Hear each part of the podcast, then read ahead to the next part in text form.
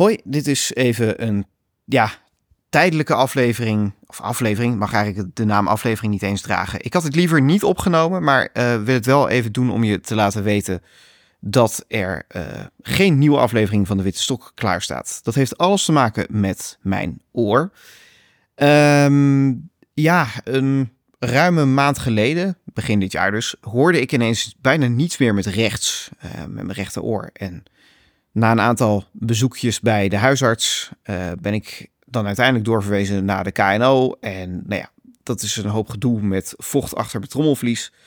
Komt allemaal goed, maar niet vandaag. En nou, dat was een uh, niet al te makkelijke periode. Maar nou ja, ik weet dat het weer de goede kant op gaat, dus dat is wel erg fijn. Uh, maar monteren was niet te doen. En dat is het nu eigenlijk nog steeds niet helemaal.